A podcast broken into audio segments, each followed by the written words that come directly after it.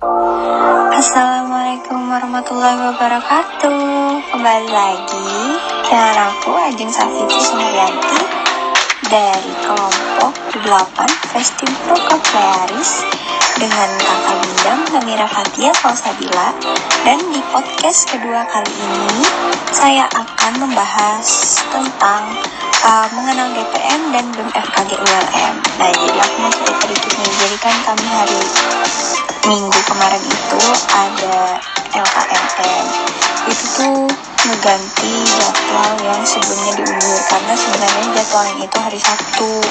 Tapi ternyata karena ada suatu hal, jadi jadwal LKMM kami itu diundur jadi hari Minggu dan pada saat itu uh, kakak-kakak kakak tingkatnya membahas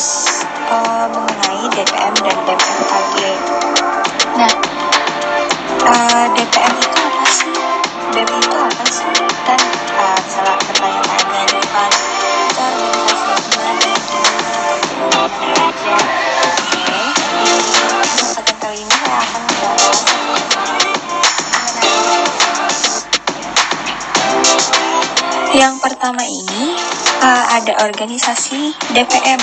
Nah, DPM ini itu uh, dia Dewan Perwakilan Mahasiswa. Nah, kalau misalnya kita di SMA itu mungkin bisa disebut dengan MPK. Dan fungsi DPM ini sendiri, dia berfungsi sebagai pengawas dan juga pengontrol terhadap kebijakan BEM. Jadi kalau misalnya BEM itu uh, ada mengambil suatu keputusan, maka dia akan uh, mengontrol dulu uh, apakah keputusan itu tepat dan BSO dengan tetap berlandaskan kepada asas dari DPM ini sendiri. Dan DPM ini juga uh, terbagi menjadi lima komisi. Jadi yang pertama itu ada Komisi 1 Legislasi dan Pengawasan, Komisi 2 uh, mengenai penelitian dan pengembangan atau litbang. Yang Komisi 3 ini ada uh, hubungan antar lembaga dan yang terakhir Komisi 5 ini mengenai teknologi informasi dan multimedia. Lalu, Komisi 1 ini e, mengenai legislasi dan pengawasan DPM, ia melaksanakan fungsi sebagai pengawasan dan pengontrol terhadap kebijakan, kinerja, program kerja, anggaran dana, dan laporan pertanggungjawaban dari badan eksekutif ini sendiri. Dan program kerja Komisi 1 ini berupa yang pertama ada musyawarah besar dan yang kedua ada sidang paripurna. Lalu yang kedua ada Komisi 2 yaitu Litbang atau penelitian dan pengembangan ini tadi uh, dia melaksanakan penelitian dan pengembangan di bidang legislat legislatif. Dalam hal ini DPM, FKG, ULM dan program kerja mereka ini ada lima yaitu yang pertama open recruitment, yang kedua ada pengadaan baju PDH, yang ketiga ada kerjasama dengan Bank BEM, lalu yang keempat ada studi banding. Dan yang terakhir ada upgrading.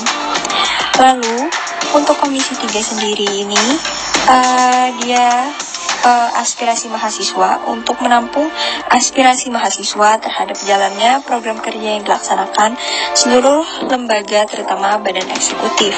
Lalu program kerja Komisi 3 ini yang pertama ada Komisi Pemilihan Umum, lalu yang kedua ada Bawaslu, ketiga bekerja sama dengan Kastrat BEM, yang keempat peringatan hari-hari besar. Lalu yang keempat adalah hubungan uh, kewenangan hubungan antar lembaga DPM menjadi penghubung antara semua lembaga yang dibawahi oleh badan eksekutif. Dan program kerja Komisi 4 ini berupa yang pertama ada verifikasi SKM, yang kedua ada verifikasi BSO, lalu ada reward BSO, Lalu yang keempat ada rapat evaluasi Ormawa atau organisasi mahasiswa. Lalu yang terakhir ada seminar legislatif.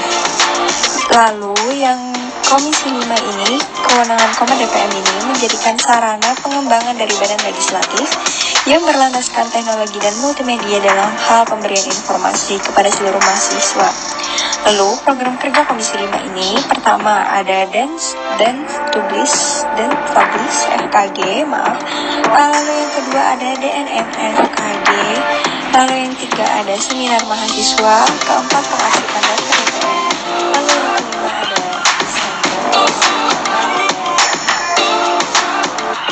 Lalu yang kedua selanjutnya ada BEM dan BEM ini juga dibagi menjadi 9 departemen.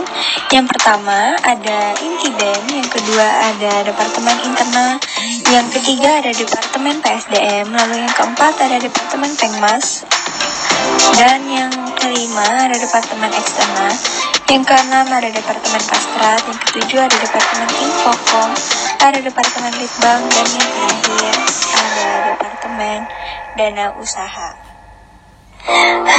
ah, baik, kiranya cukup dulu podcast kedua saya. Tugas LKMMTD mengenai uh, tentang DPM dan BEM FKG ULM. Uh, mohon maaf apabila masih banyak kurangnya dan salahnya cukupkan di sini. Uh, sekian terima kasih dan wassalamualaikum warahmatullahi wabarakatuh.